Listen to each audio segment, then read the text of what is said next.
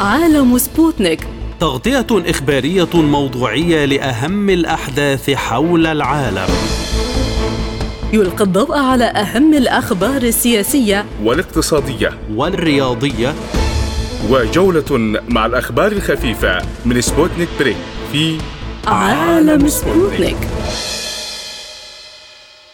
أهلا بكم مستمعينا الكرام في حلقة جديدة من عالم سبوتنيك. يسعد بصحبتكم في هذه الحلقة عبد الله حميد ونوران عطلة والبداية مع أبرز العناوين.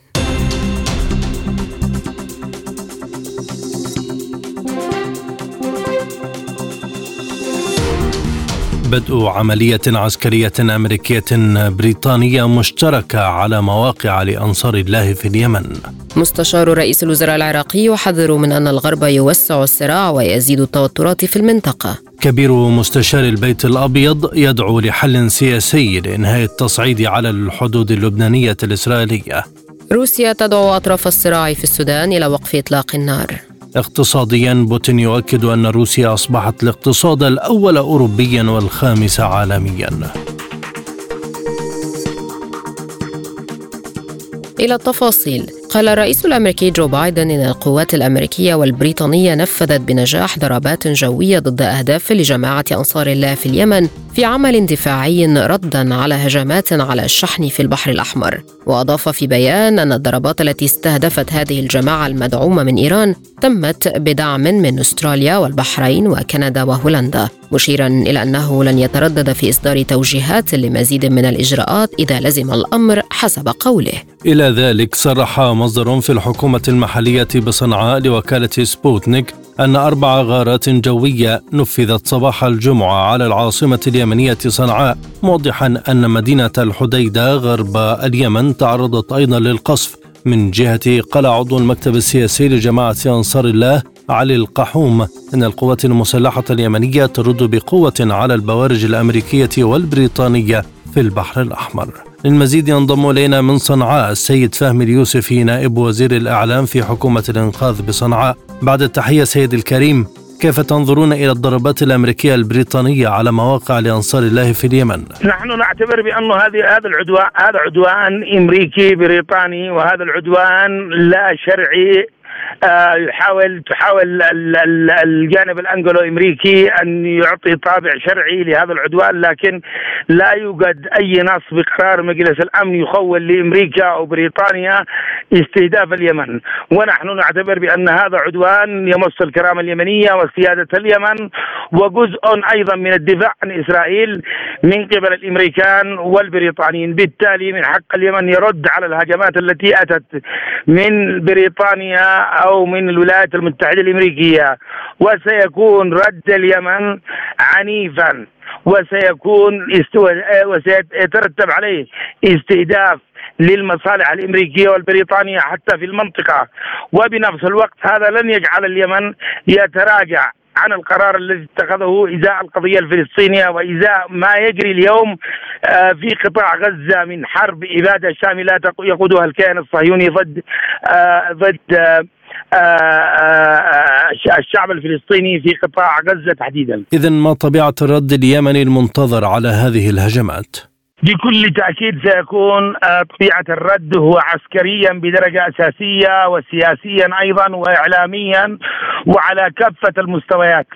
وبنفس الوقت هو سيستهدف حتى القواعد العسكرية التي تنطلق منها آه، آه، المقاتلات المعادية لليمن سواء المقاتلات البريطانية أو الأمريكية ومن يقف بجانبهم. على اعتبار أن أن السماح لتلك الدول آه، بالإقلاع للطائرات العسكرية البريطانية أو الأمريكية. هو جزء من المشاركة في العدوان الانجلو امريكي وبالتالي آه، حتى على مستوى المصالح الأمريكية والبريطانية في المنطقة ستكون محل استهداف آه، آه، صنعاء أي أن تلك المصالح ستستهدف من الآن وصاعد. اليمن وهذا لن يجعل اليمن يتراجع مهما آه، حاول الأمريكان والبريطانيين آه، من خلال هذه الضربة إيصال رسائل بأنهم آه، إيصال رسائل تهديدية لليمن لكن هذا لن يجعل اليمن يتراجع.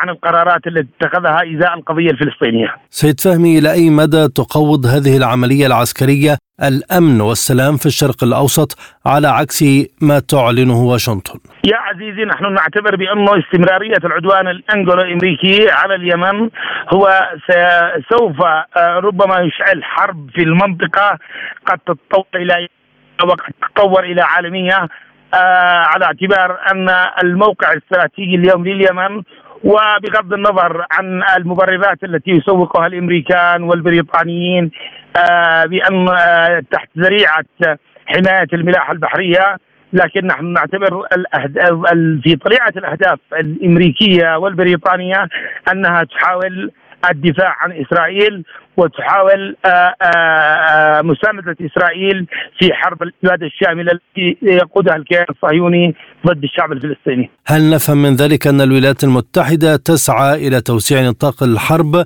لتشمل دولا أخرى غير فلسطين واليمن وحتى لبنان؟ يا عزيزي طالما والإعداد والتحضير جرى من قبل واشنطن ولندن بكل تأكيد هذا سيكون بوابة البلوغ لحرب يشمل المنطقة بشكل عام. وهذا لن يجعل محور المقاومة يقف مكتوف الأيدي أو بعيدا. ربما تشترك كل دول كل أطراف محور المقاومة في عملية مواجهة الأمريكان والبريطانيين. هل تتوقعون دخول دول أخرى في وقت قريب لدعم القوات اليمنية في صنعاء؟ كل الاحتمالات واردة في هذا الجانب. وحتى طبيعة المصالح للكثير من الدول تقتضي ذلك على اعتبار أن الموقع وإشعال الحرب في المنطقة وتحديدا في حوض البحر الأحمر وبحر العرب أو الانطلاق من هناك آه هذا يضر أيضا بالمصالح الدولية لكن نحن في كلا الأحوال كما أسلفت قبل قليل هذا لن يجعل صنعاء تتراجع عن قرارها بل ستستمر إلا في حالة آه كسر الحصار عن غزة وتوقف العدوان الهستيري وحرب الإبادة الشاملة التي يقودها الكيان الصهيوني ضد الشعب الفلسطيني لكن هذا الأمر بعكس ما يقوله الأمريكيون بأنهم لا يريدون توسيع دائرة الحرب فما المفهوم؟ يا عزيزي إذا كانوا لا يسعون إلى آه، آه، توسيع دائرة الحرب عليهم أن يسحبوا أساطيلهم ومساطيلهم من حوض البحر الأحمر ومن العدوان على اليمن ويسحبوا قواتهم من هذا المربع ويحترموا سيادة اليمن على اعتبار أن حتى تواجد الأساطيل البريطانية والأمريكية تمثل انتهاك لسيادة اليمن. وهي تعتبر قرصنة مقننة. يعني الأمريكان اليوم يتحدثون عن القرصنة لكن هم من يمارسون القرصنة في البحر الأحمر والبحر العرب وغيرها. وهي قرصنة تدخل بديكور آخر. إلى أي مدى تنتهك هذه الهجمات قرارات مجلس الأمن والأمم المتحدة برأيك؟ نحن نعتبر بأن قرارات مجلس الأمن واضحة. لا نجد في قرارات مجلس الأمن فقرة تخول للأمريكان أو البريطانيين أن آه، آه، أن أن يوجهوا ضرباتهم العسكرية تجاه اليمن. وقرار قرار مجلس الأمن واضح الذي اتخذ قبل أمس قبل أمس وبالتالي عليهم أن لا يحوروا يحوروا آه، قرارات مجلس الأمن لأن هذا العدوان نحن نعتبره غير شرعي بكل ما تعنيه الكلمة من معاني وحروف.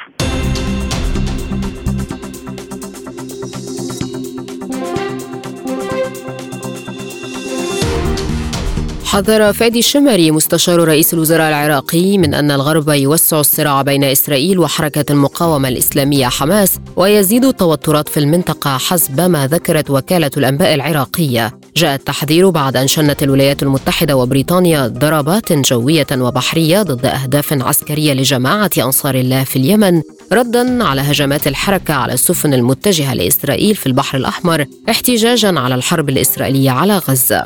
إلى ذلك قال وزير الخارجية العراقي فؤاد حسين إن مسار المفاوضات مع واشنطن بشأن انسحاب القوات الأمريكية من العراق توقف لكنه أشار إلى أن الحوار حوله مستمر. وأكد أن قرار الانسحاب أو جدولة الانسحاب سيتم بعد إتمام المفاوضات على حد قوله. وأوضح حسين أن الأحداث الأخيرة على الأراضي العراقية غير مقبولة في إشارة لهجمات الفصائل العراقية والهجمات الأمريكية المضادة وأضاف أنه سيتم الإعلان قريبا عن موعد بدء مفاوضات على أعلى مستوى مع واشنطن بشأن انسحاب قواتها من الأراضي العراقية.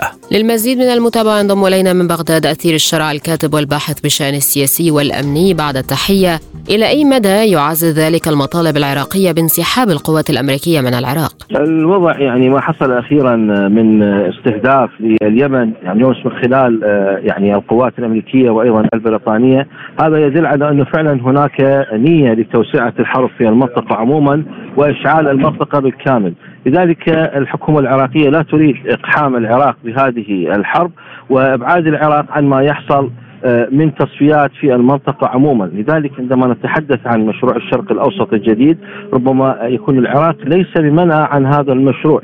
لذلك الحكومة وفق برنامجها الحكومي لا تريد أن يتورط العراق بالمزيد من من الحروب والأزمات حيث العراق عانى كثير من الحروب والحصار والأزمات وكذلك الحروب العبثية التي خاضتها الحكومات السابقة وكذلك آه، بعد تورط المزيد من الحكومات من استخدام القوات الأمريكية في العراق. لذلك الحكومة اليوم بصراحة الحكومة العراقية تعلم جيدا نوايا التواجد الأجنبي داخل العراق وضرورة إنهاء هذا التواجد وفق توافقات جديدة. لذلك ما يحصل الآن بالمنطقة هو أشبه ب يعني حرب حرب شاملة، حرب مفتوحة آه، لا يكون العراق بمنأى عن هذه الحرب لأن اليوم هناك فصائل مقاومة تطالب برحيل القوات الأمريكية تحديدا القوات الأجنبية بصورة عامة. ولا ننسى بأنه عام 2020 كان هناك قرار برلماني آه، يفضي بضرورة إخراج كافة أشكال التواجد الأجنبي داخل العراق. وطبعا كما تعلمون بأن الحكومة غير ملزمة بتنفيذ هذا القرار. لذلك اليوم آه، العراق أو الحكومة العراقية لا تريد توريط العراق بالمزيد من الأزمات والمزيد من الصراعات.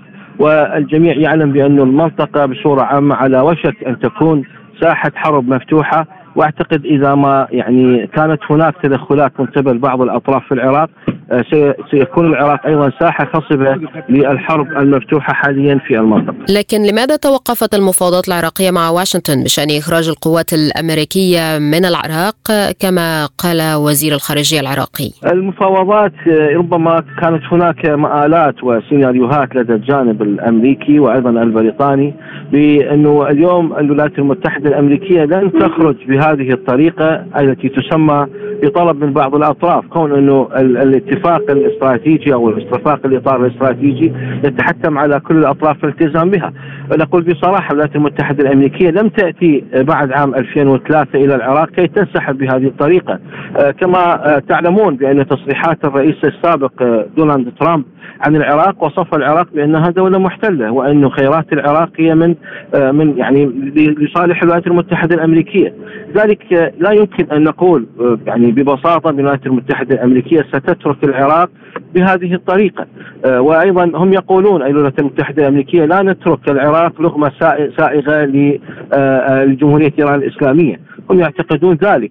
ولذلك هم شوفوا اليوم يريدون توريط آه، جمهورية إيران الإسلامية في الحرب آه، الحالية. ولا نستبعد أن تكون هناك يعني مواجهات قريبة ربما مباشرة أو غير مباشرة. ما بين جمهوريه ايران الإسلامية وبين القوات المشتركة في المنطقة. لذلك توقف ال ال يعني المباحثات آه، ومن خلال يعني تكليف لجنة ثنائية من الحكومة العراقية آه، بأنها ليست ذات جدوى في الوقت الراهن. اليوم المنطقة تشهد اضطرابات خطيرة تشهد حرب مفتوحة تشهد تطورات ربما تؤدي إلى آه، إلى سقوط الكثير من الأنظمة إذا صح التعبير، لذلك لا جدوى من هذه المباحثات لأن اليوم الجانب الأمريكي آه، يتجاهل المطالبات العراقية وأيضا آه، لا يريد الانسحاب من العراق بداعي إنه العراق اليوم وبعض الدول الأخرى هي تمثل أجندات الجمهورية ايران الإسلامية. نعم إلى أي مدى أصبح تواجد القوات الأمريكية بالعراق عامل عدم استقرار خصوصا بعد اتجاه الغرب لتوسيع الصراع؟ الكل يعلم أنه أينما وجد القوات الأمريكية والبريطانية هناك مشكلات. يعني على مر التاريخ آه، يعني التواجد الأمريكي والبريطاني في أي منطقة هذا ينذر بأن هذه المنطقة سوف لن تهدأ. وأنتم آه، والكل يعلم وكل العالم يعلم بأن العراق بعد عام 2003 لم يشهد استقرار على الإطلاق. رغم وجود الكثير من الاتفاقات والوعود بأنه آه، العراق سيكون مستقرا من كل الجوانب وكل السياسات. لذلك يعني الشعب العراقي يعني مع مرور السنوات بعد عام 2003 علم بأنه التواجد اليوم الأمريكي داخل العراق سوف لن يكون لصالح الشعب عموما. تعلمون أن معظم مشاريع البنى التحتية هي متلكئة ومتوقفة بدواعي كثيرة وبتدخلات كثيرة. والكل يعلم أيضا بأنه بول برايمر وضع العديد من الفاسدين في مناصب عديدة. الدوائر العراقية والوزارات العراقية تعاني الكثير من الترهل وأيضا البيروقراطية الغير الغير مجدية وأيضا الفساد المستشري منذ ذلك الحين. لأنه اليوم المناصب التي كلفت بها بعض الشخصيات من قبل بول برايمر لحد هذه اللحظة يعاني العراق منها. لذلك سبب مأساة العراق أنا أعتقد بصراحة والمنطقة هو التدخلات الأمريكية البريطانية في المنطقة وضروره تنصيب أنظمة تحكم لصالح الولايات المتحدة الأمريكية وهذا طبعا سيناريو معمول به ولا ننسى إن هناك يعني فشل صفقة القرن ومشروع الشام الذي اليوم يعني بصدد أن يعمل به من قبل الكيان الصهيوني وأيضا الولايات المتحدة الأمريكية واكذوبه حل الدولتين، هذا كله طبعا تلقي بظلاله على العراق الذي هو لا يعتبر بعيدا عن عن ساحة التدخلات إنما ساحة خصبة وأيضا ربما انطلاقة لاستهداف بعض جيران العراق خلال الفترة المقبلة القادمة. ماذا لو رفضت واشنطن الانسحاب من العراق؟ لو رفضت الولايات المتحدة الأمريكية الانسحاب من العراق عندما تطالب الحكومة العراقية كون أنه الجهة الوحيدة التي يجب أن تطلب من الولايات المتحدة الأمريكية الانسحاب هي الحكومة. إذا رفضت هناك العديد من الخيارات أولها المقاومة الشعبية لأن اليوم الحكومة عندما تطلب من أي جهة أو أي دولة متواجدة على الأراضي العراقية وتقول نحن محتلون اذا هذا احتلال شامل وهنا يتطلب من الشعب العراقي عموما إذا ما أيقن بأن الولايات المتحدة الأمريكية تريد تدمير إضافي للعراق ولذلك أعتقد انه كل الخيارات مفتوحة. ولا ننسى أن العراق يتمتع بوجود اليوم جيش وشرطة وأيضا حشد شعبي وكل القوات القتالية والأمنية المتواجدة التي فعلا لديها القدرة على مواجهة كل القوى العسكرية المتواجده أو ما تريد أن تحتل العراق، لذلك اليوم أنا أقول لكم ولقناتكم اليوم كل الاحتمالات وكل السيناريوهات صحيحة والعراق ربما سيدافع عن نفسه وأيضا بتواجد بعض فصائل المقاومة بالمنطقة. نعم.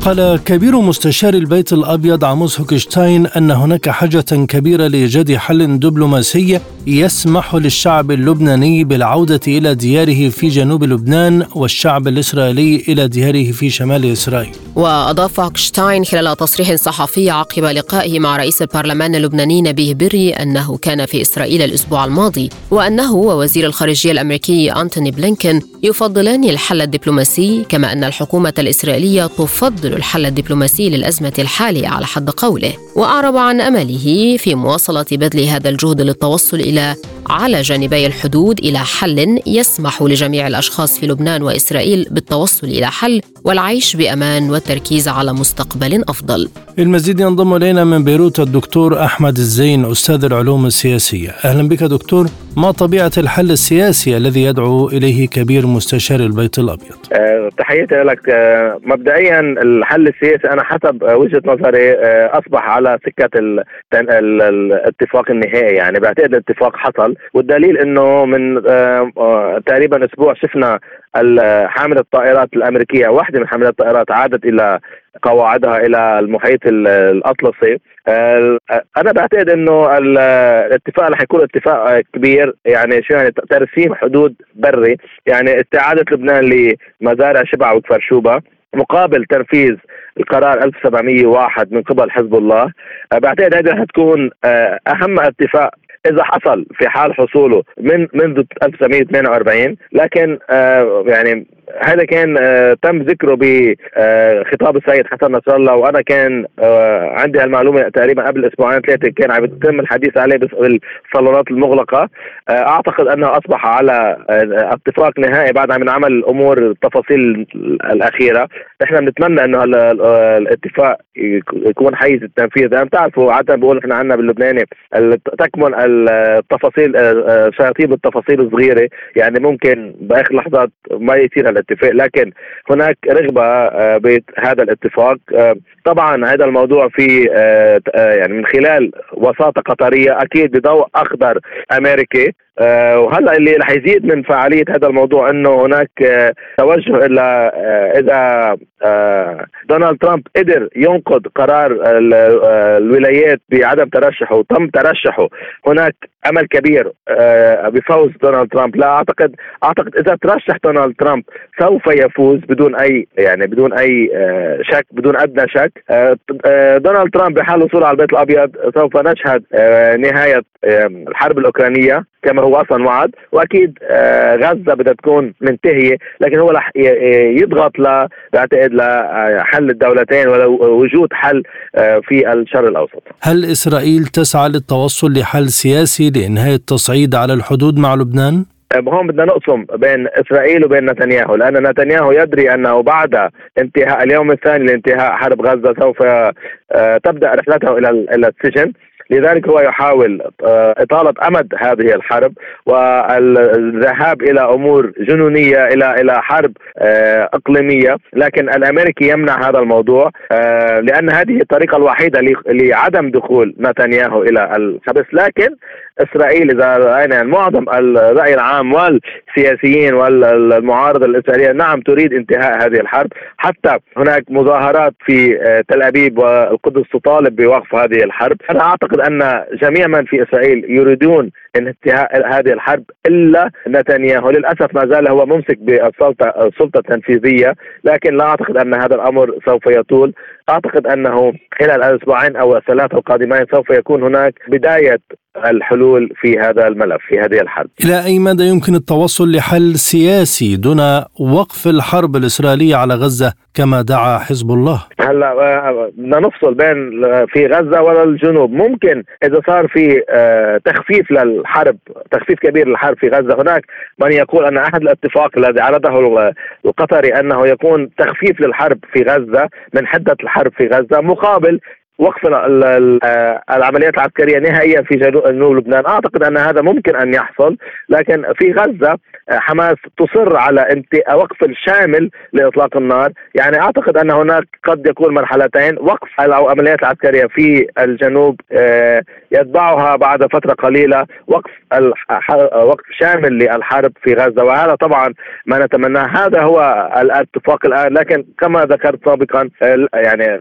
الشياطين تكمن في التفاصيل. ماذا سيحصل؟ هل سيستطيعون الوصول إلى اتفاق؟ لكن يعني حسب آه، آه، يعني المعلومات إذا كان هناك تشابك للمعلومات من المتوقع أن يبدأ الحل السياسي قريبا. ما هي وجهة النظر اللبنانية لتسوية هذا الملف؟ آه، طبعا يعني كما هو ظاهر حزب الله لا يريد الحرب لكن هو مستعد لها وهذا هذا هو الموقف الرسمي لحزب الله لا يريد الحرب لكنه مستعد لها طبعا في حال انتهاء الحرب والحي السياسي حل سياسي آه، الموقف اللبناني الرسمي يريدها حزب الله يريد هذا الموضوع. لكن طبعا آه، مع المحافظة على الحقوق اللبنانية طالما آه، لبنان يحصل على حقوقه فحزب الله سوف يكون دائما خلف الحكومة وليس أمامها. طبعا حزب الله لا يريد التصعيد. في حال حصول ما ذكرته سابقا من حصول على مزارع كفر شوبة والغجر سوف يكون هذا انتصار كبير للسياسة اللبنانية للمحور يعني للمقاومة في لبنان وهذا ما نتمناه لكن آه يعني أنا أؤكد لك أن حزب الله والموقف الرسمي اللبناني مع وقف العمليات مع الحل السياسي آه، طبعا ضمن المحافظة على الشروط والمنفعة اللبنانية.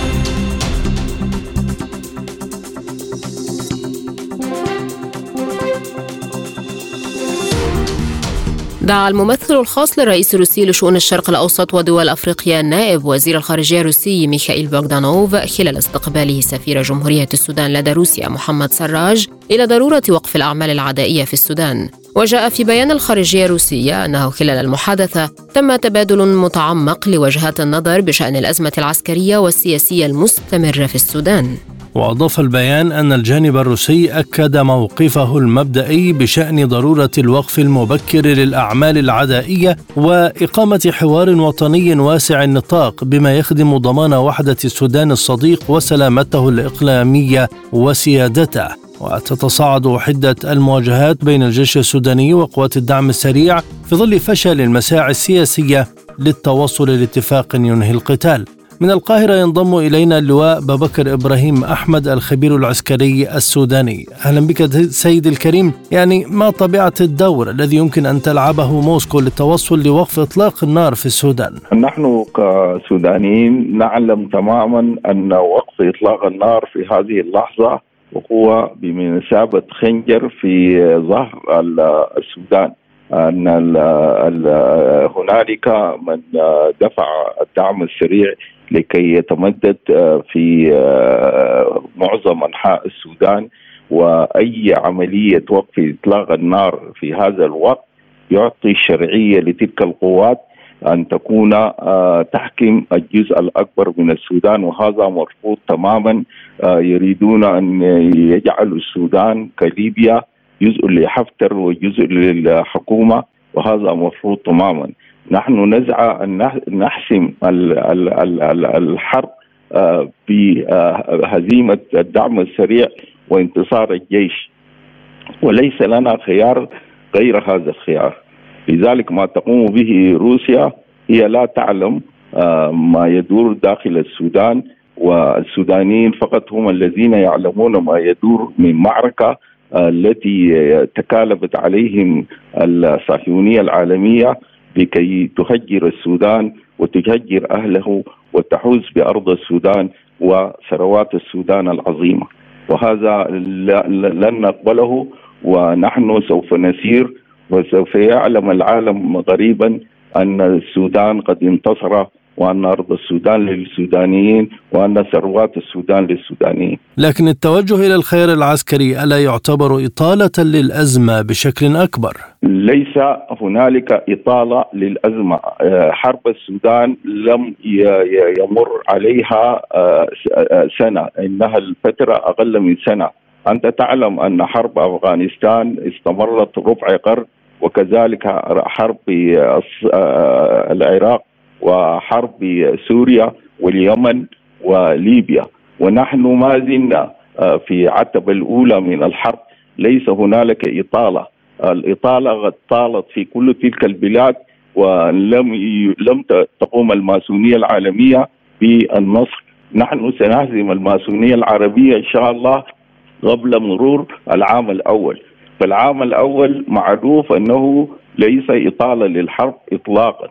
لماذا لا توجد فرص حقيقية لإقامة حوار شامل بين الأطراف؟ نحن نتوق لذلك نحن نعلم أن الأطراف كل الأطراف قد تم يعني آه، استعمالها بذكاء آه، يهودي لكي نحارب بعضنا البعض لكننا نعلم تماما أن الحرب هي بين الماسونية العالمية وبين الجيش السوداني ونجحوا في آه، استعمال المكونات السودانية لكي تحارب بعضها لكي ترهق بعضها البعض. بعد ذلك يأتون بما يعرف بوقف إطلاق النار لكي يأتوا بقوات أممية. تجد كل الأطراف منهارة وتحكم القوات الأممية السودان ولا ولا توجد قوة تقف لكي توقف هذا العبث وتقوم السودانيين بالحفاظ على ثرواتهم وأرضهم. كان من المفترض أن هناك في جيبوتي لقاء بين قائد الجيش وقائد الدعم السريع، لماذا تم عرقلة هذا اللقاء؟ نعم تم نحن الذين عرقلنا هذا اللقاء لأن البرهان إذا أراد أن يذهب سوف يمضى على وقف إطلاق النار وهذا ما نرفضه تماما إنهم آه، جعلوا صنعوا آه، حميدتي الذي آه، هو موجود في قبره صنعوا منه روبوت لكي يجلس البرهان بقلب بغربه ويعلن وقف اطلاق النار. وهذه هي الشرك الذي يريدون ان ان ان, أن نبضى عليه. هذا مرفوض. البرهان لن يذهب البرهان لن يذهب ولن يمضي على أي وقف إطلاق النار. لأنك تعلم أن وقف إطلاق النار يعني فرض الأمر الواقع الذي فرضوه أننا نعلم تماما ماذا يفعلون وهم يعلمون تماما انها أننا اذكى من يوقعون في هذا الشرك. وإن شاء الله أقول لك وأكرر أن السودان سوف يهزم الماسونية العالمية على أرضه. وسوف تنتهي هذه الحرب العالمية الاقتصادية الثالثة في مصرع الماسونية العربية. في أرض الخرطوم كما صرعنا بالغب غردون الذي دوخ العالم. الآن الماسونية دوخت العالم سوف نهزمها في أرض الخرطوم إن شاء الله. لماذا لا يكون هناك تدخل حقيقي لوسطاء من الداخل أو الخارج لتقريب وجهات النظر بين الجانبين؟ ليس هنالك تدخلات لدول يعني تقف في الحياة. الماسونية العالمية تسيطر على دول أفريقيا تسيطر على المنظمة الأفريقية تسيطر على دول الإيجاد تسيطر على كل من يقول أنه محايد يريد أن يقف بين الطرفين على التوازي ولكنهم جميعا ينفذون مخططات الماسونية العالمية ونحن نعلم كل مخططاتهم وكل أساليبهم ونحن لهم بالمرصاد إن شاء الله. إذا طالت الحرب من الذي سوف يعني تصيبه تلك الحرب. نحن الذي الذين يدينا في النار ونحن نعلم أن الوقت في صالحنا وأن الحرب ستستمر. هم لا يستطيعون أن يستمروا إلى ما لا نهاية ويستعملون غيرهم في معركة يريدون أن يكسبوها دون أن تريق لهم دماء. وهذا لعمرك في منذ عهد آدم عليه السلام لن لن لن يحصل. فالذي يريد أن يكسب يجب أن يقود الحرب بنفسه ويجب أن تروق دماءهم وهذا ما لا يريدونه لذلك سوف ينهزمون إن شاء الله. اذا ما هي المسارات المتوقعة للصراع في ظل تزايد تسليح المدنيين؟ ليس هم ليس تسليح مدنيين، هؤلاء هم آه، سودانيين يدافعون عن أرضهم عندما قامت قامت الماسونية العربية بأساليب نعلمها تماما بجعل الدعم السريع ينتشر آه، في كل أنحاء العالم لفرض واقع. لذلك كانوا يعتقدون أن الجيش وحده آه، هو الذي يحارب وبذلك الجيش لا يستطيع أن أن يحارب آه، تلك القوات المنتشرة في كل أنحاء السودان. لكن جاءت المفاجأة من هذا الشعب المعلم الذي جيش نفسه بالملايين وغلب السحر على الساحر وأصبحت المقاومه الشعبية أكثر بكثير من الدعم السريع. لذلك الزمن ليس في صالحهم. لذلك فهم يهرعون هنا وهناك لكي يتم وقف إطلاق النار. لكن أقول لك لن يتم وقف إطلاق النار قبل أن نحرر كل شبر من هذا الوطن إن شاء الله.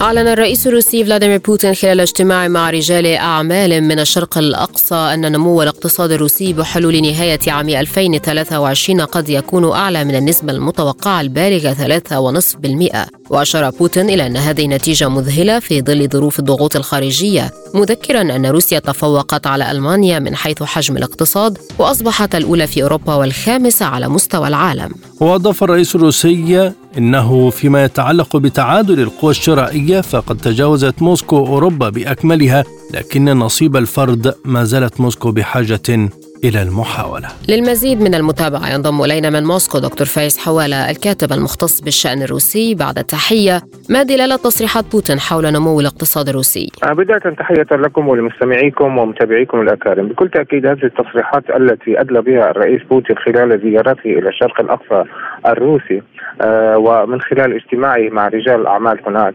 آه، جاءت لتؤكد بأن آه، الغرب الجماعي فشل في موضوع تدمير الاقتصاد الروسي وبالرغم من كل العقوبات التي تم فرضها على روسيا الاتحادية والتي بلغ عددها آه، أكثر من 17 آه، ألف عقوبة سواء كان لأشخاص أو شخصيات اعتبارية أو شخصية. هذا من ناحية. من ناحية أخرى هو الاهتمام يدل على أن حكومة روسيا الاتحادية تهتم بشكل كبير بالاقتصاد المحلي وبالتالي أن العقوبات رغم فشلها هي استطاعت أن تعتمد على ذاتها وعلى نفسها وتطوير البنية التحتية بكل المجالات إضافة إلى المشاريع الاقتصادية التي كانت تقوم بها ليس فقط منذ بداية العملية العسكرية الخاصة وإنما هي نتاج حقيقي لكل هذه الفترة السابقة التي كانت تولي فيها الحكومة الروسية اهتماما كبيرا للاقتصاد وتنميته واعتماده على المصادر المحلية، هذا من ناحية، من ناحية أخرى، اليوم عندما يتحدث الرئيس بوتين عن أن الاقتصاد الروسي هو الأول في أوروبا والخامس عالميا، إنما يعطي دلالة على أن السياسات التي اتبعتها الدول الأوروبية آه، من خلال فرض عقوبات على روسيا الاتحادية سواء كان بشكل آه، طوعي أو بشكل آه، ضغوطات عن طريق الولايات المتحدة الأمريكية إنما هي دمرت اقتصادها الذي كان اقتصادا قويا وخاصة عندما يتم الحديث على أن الاقتصاد الألماني الذي أصبح ضعيفا للغايه ودخل في مرحلة الركود عمليا وكل ذلك هو بسبب الحماقات الاقتصادية التي ترتكبها ألمانيا تحديدا وخاصة فيما يتعلق بفرضها العقوبات الاقتصادية على روسيا الاتحادية وامتناعها عن استيراد الطاقة ومشتقات الطاقة من روسيا الاتحادية. كل ذلك انعكس بشكل مباشر على اقتصادها الذي ساعد في هدم أيضا هذا الاقتصاد الأوروبي الذي كانت ألمانيا هي الأولى في الدول الأوروبية من حيث قوة اقتصادها.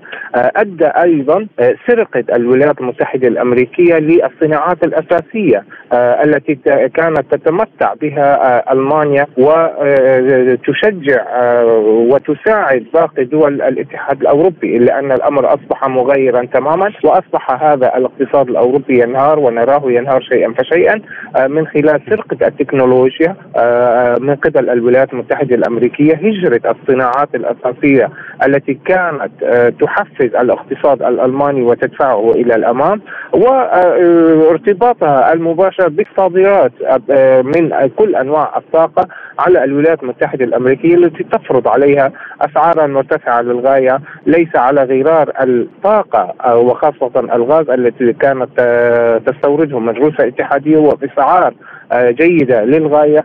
فتحت لها مجالا واسعا من أجل تحقيق فائض اقتصادي كبير والرفاهية للشعب الألماني. هذا كل ما يخص هذه الأمور. كيف حقق الاقتصاد الروسي هذا النمو في ظل العقوبات المفروضة على موسكو؟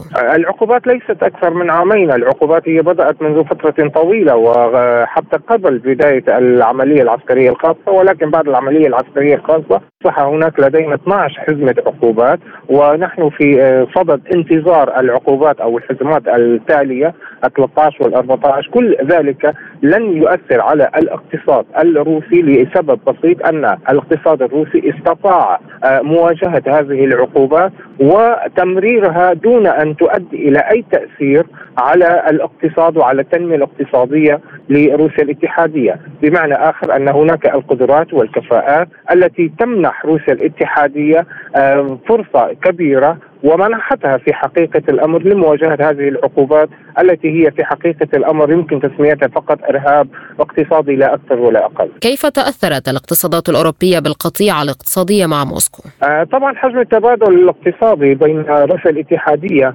والدول الأوروبية كان قبل العملية العسكرية الخاصة تقدر بأكثر من نصف تريليون يورو ولكن وبعد فرض العقوبات الاقتصادية أي امتناع الدول الأوروبية عن التعاملات الاقتصادية مع روسيا الاتحادية بين مزدوجين بشكل مباشر آه، أدى ذلك إلى خفض آه، هذه الموارد وخفض هذه آه، انخفاض هذا التبادل التجاري بين كل من روسيا الاتحادية ودول الاتحاد الأوروبية مجتمعة إضافة إلى موضوع منح التأشيرات للمواطنين الروس أي أن آه، خسروا ليس فقط اقتصاديا وإنما أيضا في مجال السياحة وفي مجالات أخرى كبيرة اقتصادية. كل هذه التراكمات أدت إلى تراجع التبادلات التجارية آه، تراجع التعاملات الاقتصادية بشكل كامل بين روسيا الاتحادية ودول الاتحاد الاوروبي والتي انعكست على روسيا الاتحادية وإنما انعكست على دول الاتحاد الأوروبي لأن هناك دائما البدائل حتى في مجال السياحة. فالشعب الروسي الذي كان على أقل تقدير مثلا نحن نخرج اليوم من آه، أعياد رأس السنة كانوا يقدمون يقضون آه، أعياد رأس السنة في دول الاتحاد الأوروبي. ولكن اليوم وجدوا بدائل أخرى أفضل وأقل تكلفة حتى بغض النظر عن الرحلات الخارجية أصبح الروس اليوم يتمتعون بالسياحة الداخلية الروسية وهذا الأمر تعيره الحكومة الروسية اهتماما كبيرا للغاية وتشجع عليه من خلال تخفيضات البطاقات السفر بالطائرة أو بالقطار. في هذه المناسبات وفي غيرها من المناسبات كل ذلك أدى إلى أن المواطن الروسي أصبح اليوم يتجه إلى الداخل لاكتشاف المعالم السياحية الجيدة والتي لا تقل أهمية ولا جمالا عن مسيلاتها في دول الاتحاد الأوروبي على أقل تقدير. إلى أي مدى يمكن أن تستجيب أوروبا لضغوط واشنطن لمصادرة الأصول الروسية؟ حتى آخر أوروبي، يعني عندما آه، آه، القوات الأوكرانية تحارب روسيا الاتحادية حتى آخر أوكراني أعتقد بأن دول الاتحاد الأوروبي مجتمعه سوف تتم آه، سوف تبقى تابعة للضغوطات الأمريكية حتى تستطيع أن تحقق أي نجاحات للسياسة الأمريكية الامريكيه آه، بالنسبة لروسيا الاتحادية وفي حال لا سمح الله دخلت في آه، مواجهات مباشرة مع روسيا الاتحادية أقصد هنا عسكرية فإنها سوف تطبق نظرية آه، محاربة روسيا حتى آخر أوروبي كما فعل الأوكرانيون ولكن في حقيقة الأمر هم سوف يفشلون كما فشلت أوكرانيا في تحقيق أي هدف وعلى الرغم من أننا آه، نعلم ونسمع أن الدبلوماسيين الأوروبيين يقولون بأنه يجب إلحاق خسارة استراتيجية بروسيا الاتحادية على أرض المعركة ولكن الواقع الحالي أثبت على العكس تماما أن الخسارة الاستراتيجية لحقت في البرنامج الأمريكي بالمخططات الأمريكية وكذلك بالاقتصاديات الأوروبية وهذا واضح للعيان. الآن إلى جولة من الأخبار حول العالم.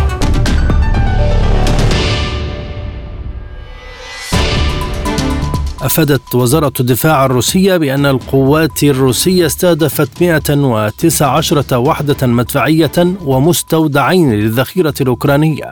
وأضافت الوزارة في بيان أنه تم قصف مستودعين للذخيرة تابعين للقوات الأوكرانية و119 وحدة مدفعية في مواقع إطلاق النار وقوى بشرية ومعدات عسكرية في 126 منطقة. وأوضحت أنه في اتجاه خيرسون دمرت وحدات قوات مجموعة دنيبر الروسية تحشيدات للعدو وبلغت الخسائر نحو 30 عسكريا إضافة إلى تدمير أربع سيارات ومدفع من طراز دي 20 أفادت وزارة الدفاع الروسية بأن القوات الروسية دمرت معاقل للواءين 72 و 58 الأوكرانيين في جنوب دونتسك.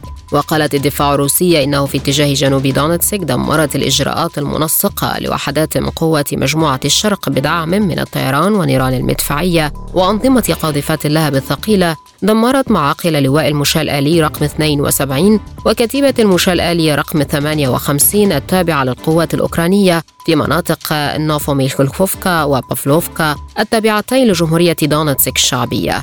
وأشارت الدفاع إلى أن القوات المسلحة الأوكرانية فقدت أكثر من 145 فردا عسكريا. ومركبتين قتاليتين مدرعتين وثلاث سيارات بالإضافة إلى مدفعين من طراز أكاتسيا.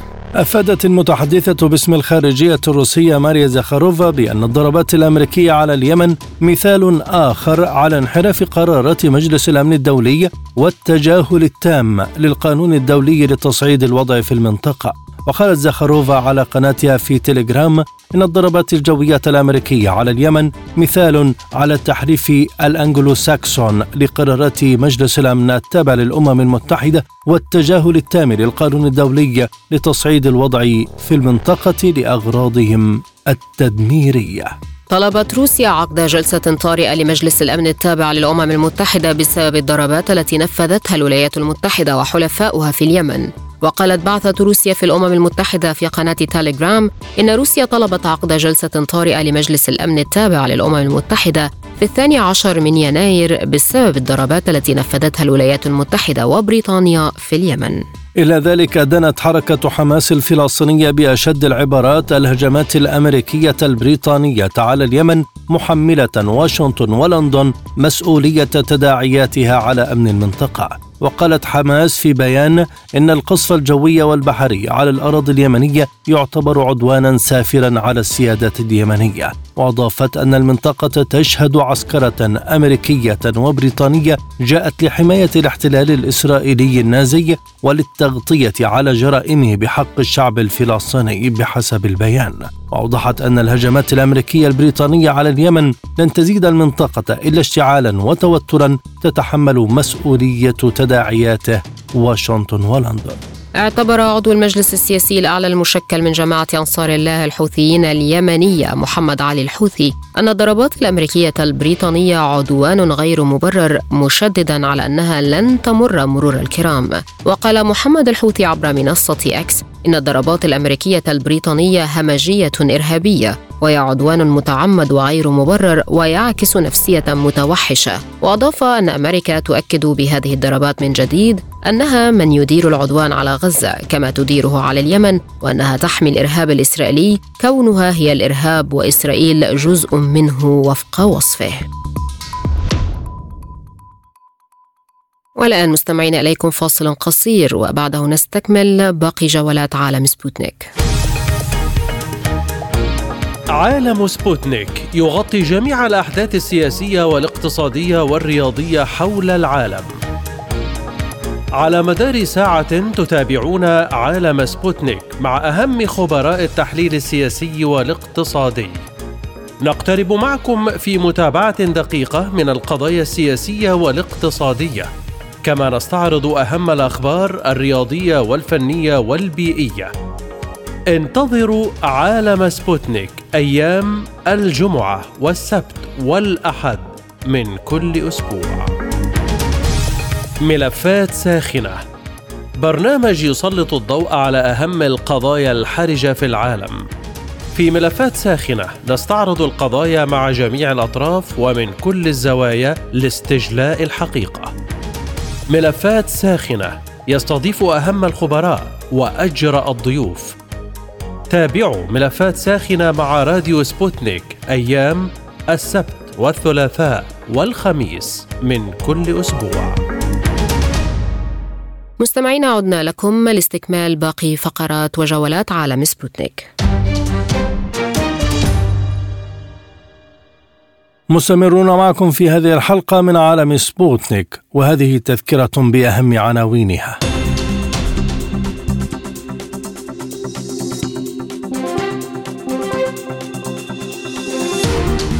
بدء عملية عسكرية أمريكية بريطانية مشتركة على مواقع لأنصار الله في اليمن. مستشار رئيس الوزراء العراقي يحذر من أن الغرب يوسع الصراع ويزيد التوترات في المنطقة. كبير مستشار البيت الأبيض يدعو لحل سياسي لإنهاء التصعيد على الحدود اللبنانية الإسرائيلية. روسيا تدعو أطراف الصراع في السودان إلى وقف إطلاق النار. اقتصاديا بوتين يؤكد أن روسيا أصبحت الاقتصاد الأول أوروبيا والخامس عالميا. والآن مستمعين إليكم مجموعة من الأخبار الاقتصادية مع الزميل خالد عبد الجبار.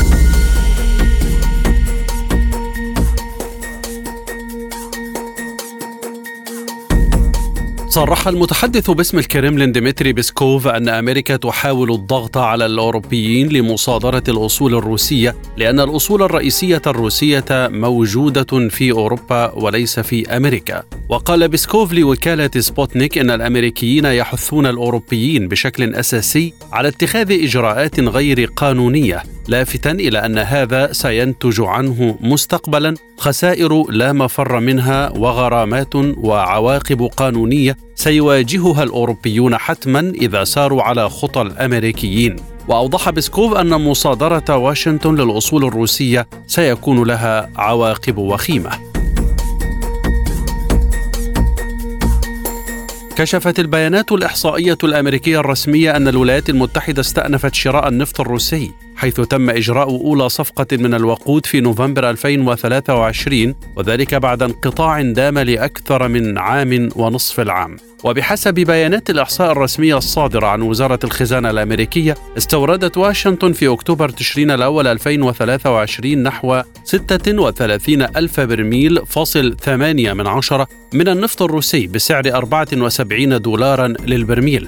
وفي نوفمبر تشرين الثاني اشترت 9000 برميل فاصل 9 من عشرة بتكلفة 76 دولارا. وتشير هذه الصفقة إلى أن النفط الذي اشترته الولايات المتحدة زاد عن السقف السعري الذي تم فرضه من قبل الدول الغربية.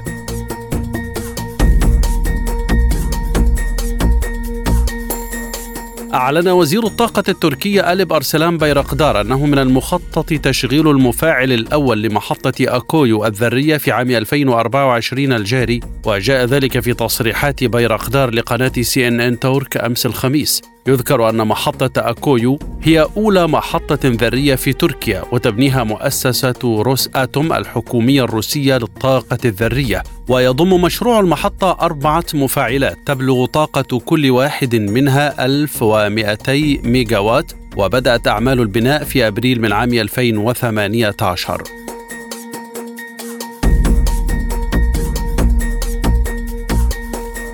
قال رئيس هيئة قناة السويس المصرية الفريق أسامة ربيع إن إيرادات القناة انخفضت بنسبة 40% منذ بداية العام مقارنة بعام 2023 وأضاف ربيع في مداخلة تلفزيونية أمس الخميس أن حركة عبور السفن تراجعت بنسبة 30% في الفترة من الأول من يناير كانون الثاني حتى الحادي عشر من الشهر نفسه مقارنة بالعام الماضي. وأوضح أن التراجع جاء بواقع 544 سفينة مقارنة ب 777 العام الماضي بينما تراجعت الحمولات بنسبة 41% في ذات الفترة مقارنة بعام 2023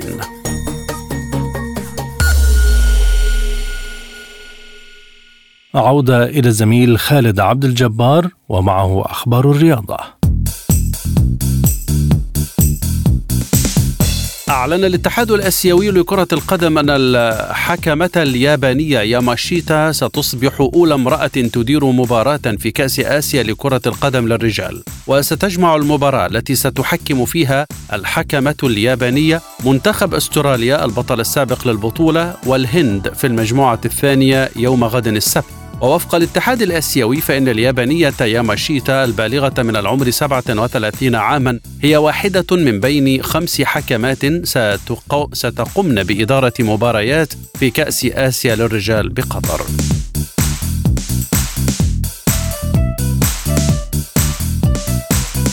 أعلن النادي الأهلي أمس الخميس التعاقد بشكل رسمي مع اللاعب الفلسطيني وسام أبو علي لاعب نادي سيريوس السويدي لتكون أولى الصفقات الشتوية الجارية. وقال النادي الأهلي في بيان أنه تم التعاقد رسميا مع وسام أبو علي لمدة أربع سنوات ونصف. وأشار إلى أنه أنهى كافة الإجراءات الإدارية الخاصة بانتقال وسام أبو علي إلى صفوف الأهلي بعد الرجوع إلى محمود الخطيب رئيس النادي والمشرف العام على الكرة. ذكرت الصحيفة الرياضية السعودية أن الاتحاد الدولي لكرة القدم قرر معاقبة ثلاثة أندية سعودية بعدم تسجيل لاعبين خلال فترة الانتقالات الشتوية الجارية. وأضافت أنه تبين من خلال قائمة الأندية المنشورة عبر موقع الاتحاد الدولي حظر أندية الرياض والوحدة وأحد من تسجيل اللاعبين لمدة ثلاث فترات. ولم يذكر الفيفا في بيانها الأسباب الموجبة لإيقاف هذه الأندية واكتفى بذكر تواريخ القرارات فقط. ومدة الحظر مشددا على أن الهدف الأساسي منها توفير العدالة لكافة الأطراف المعنية ولا سيما اللاعبين والأندية والجماهير.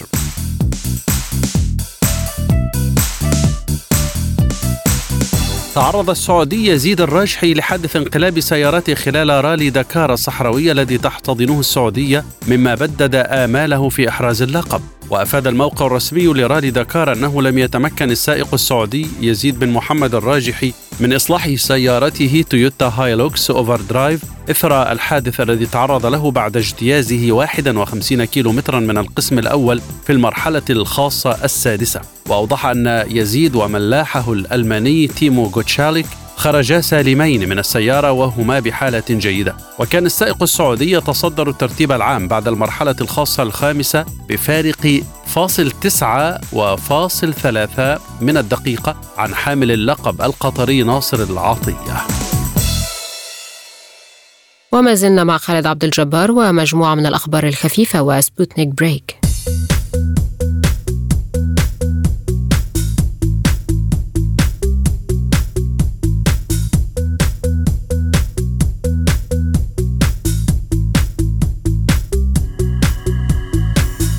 قدم علماء أمريكيون بقيادة العالم توماس هارتونغ من جامعة جونز هوبكنز رؤية جديدة لتطور الأنظمة العصبية الهجينة التي اطلقوا عليها مفهوم الذكاء العضوي. واقترح العلماء في دراستهم استخدام خلايا الدماغ البشرية نفسها كعناصر حاسوبية وربطها بلوحة المعالج عكس ما يتم الترويج له من خلال تطبيق نهج الذكاء الاصطناعي الذي يحاولون من خلاله جعل الكمبيوتر أكثر شبها بالدماغ البشري. وفي السياق نفسه أفادت مجموعة أخرى من المتخصصين الأمريكيين بقيادة المهندس فين جو من جامعة إنديانا في بلومينغتون بأنهم أنشأوا معالجا حيويا يعتمد على هذا المبدأ واختبروه بنجاح في مهام مثل التعرف على الكلام والتنبؤ بحلول المعادلات غير الخطية. سجل علماء حالة غريبة جدا خلال دراسة أجريت على مومياء لفتاة مصرية عاشت قبل ألفي عام حيث لاحظ العلماء شيئا غريبا في صدر الجسد المحنط وعلى الرغم من عدم تسجيل أي حالة للعثور على جنين في بقايا مومياء لكن العلماء أكدوا الآن أن لديهم أدلة على وجود مراهقة محنطة ماتت أثناء ولادة توأمين. وقالت فرانسيس مارجوليس التي قادت الدراسة التي طبقت على البقايا المحنطة لمجلة لايف ساينس إن هذه هي المومياء الأولى من نوعها التي يتم اكتشافها. ويتراوح عمر المراهقة المحنطة بين 14 إلى 17 عاما ومن المحتمل أنها ماتت أثناء الولادة منذ أكثر من ألفي عام. ووضع الأشخاص الذين قاموا بتحنيطها جنينها الملفوف بين أقدامها لكن يبدو أن أحدا لم يعلم أنها حامل بتوأم.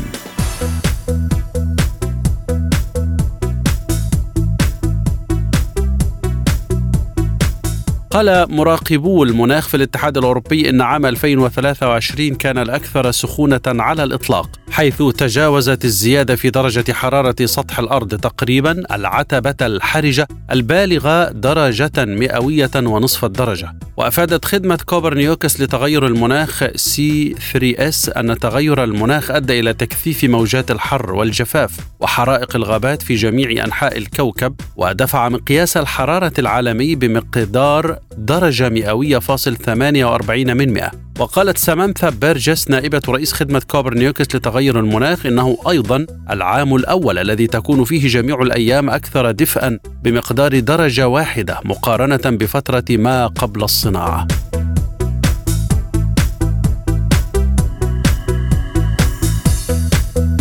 أعلنت وزارة الصحة المصرية عن خطة تهدف إلى نشر أجهزة إزالة الرجفان القلبي في الأماكن العامة لمواجهة خطر التوقف المفاجئ لعضلة القلب.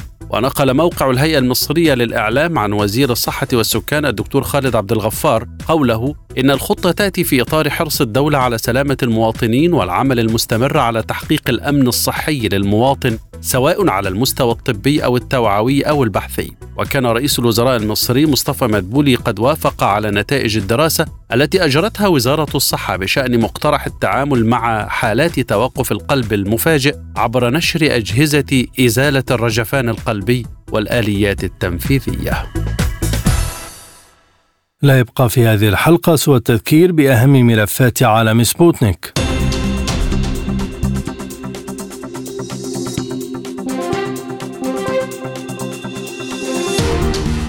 بدء عملية عسكرية أمريكية بريطانية مشتركة على مواقع لأنصار الله في اليمن.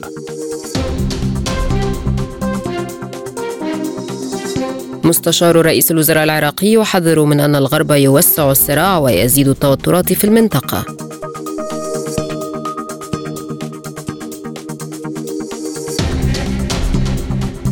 كبير مستشار البيت الأبيض يدعو لحل سياسي لإنهاء التصعيد على الحدود اللبنانية الإسرائيلية.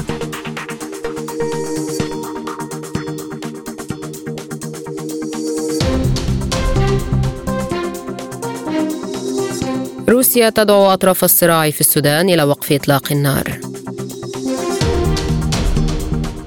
اقتصاديا بوتين يؤكد أن روسيا أصبحت الاقتصاد الأول أوروبيا والخامس عالميا.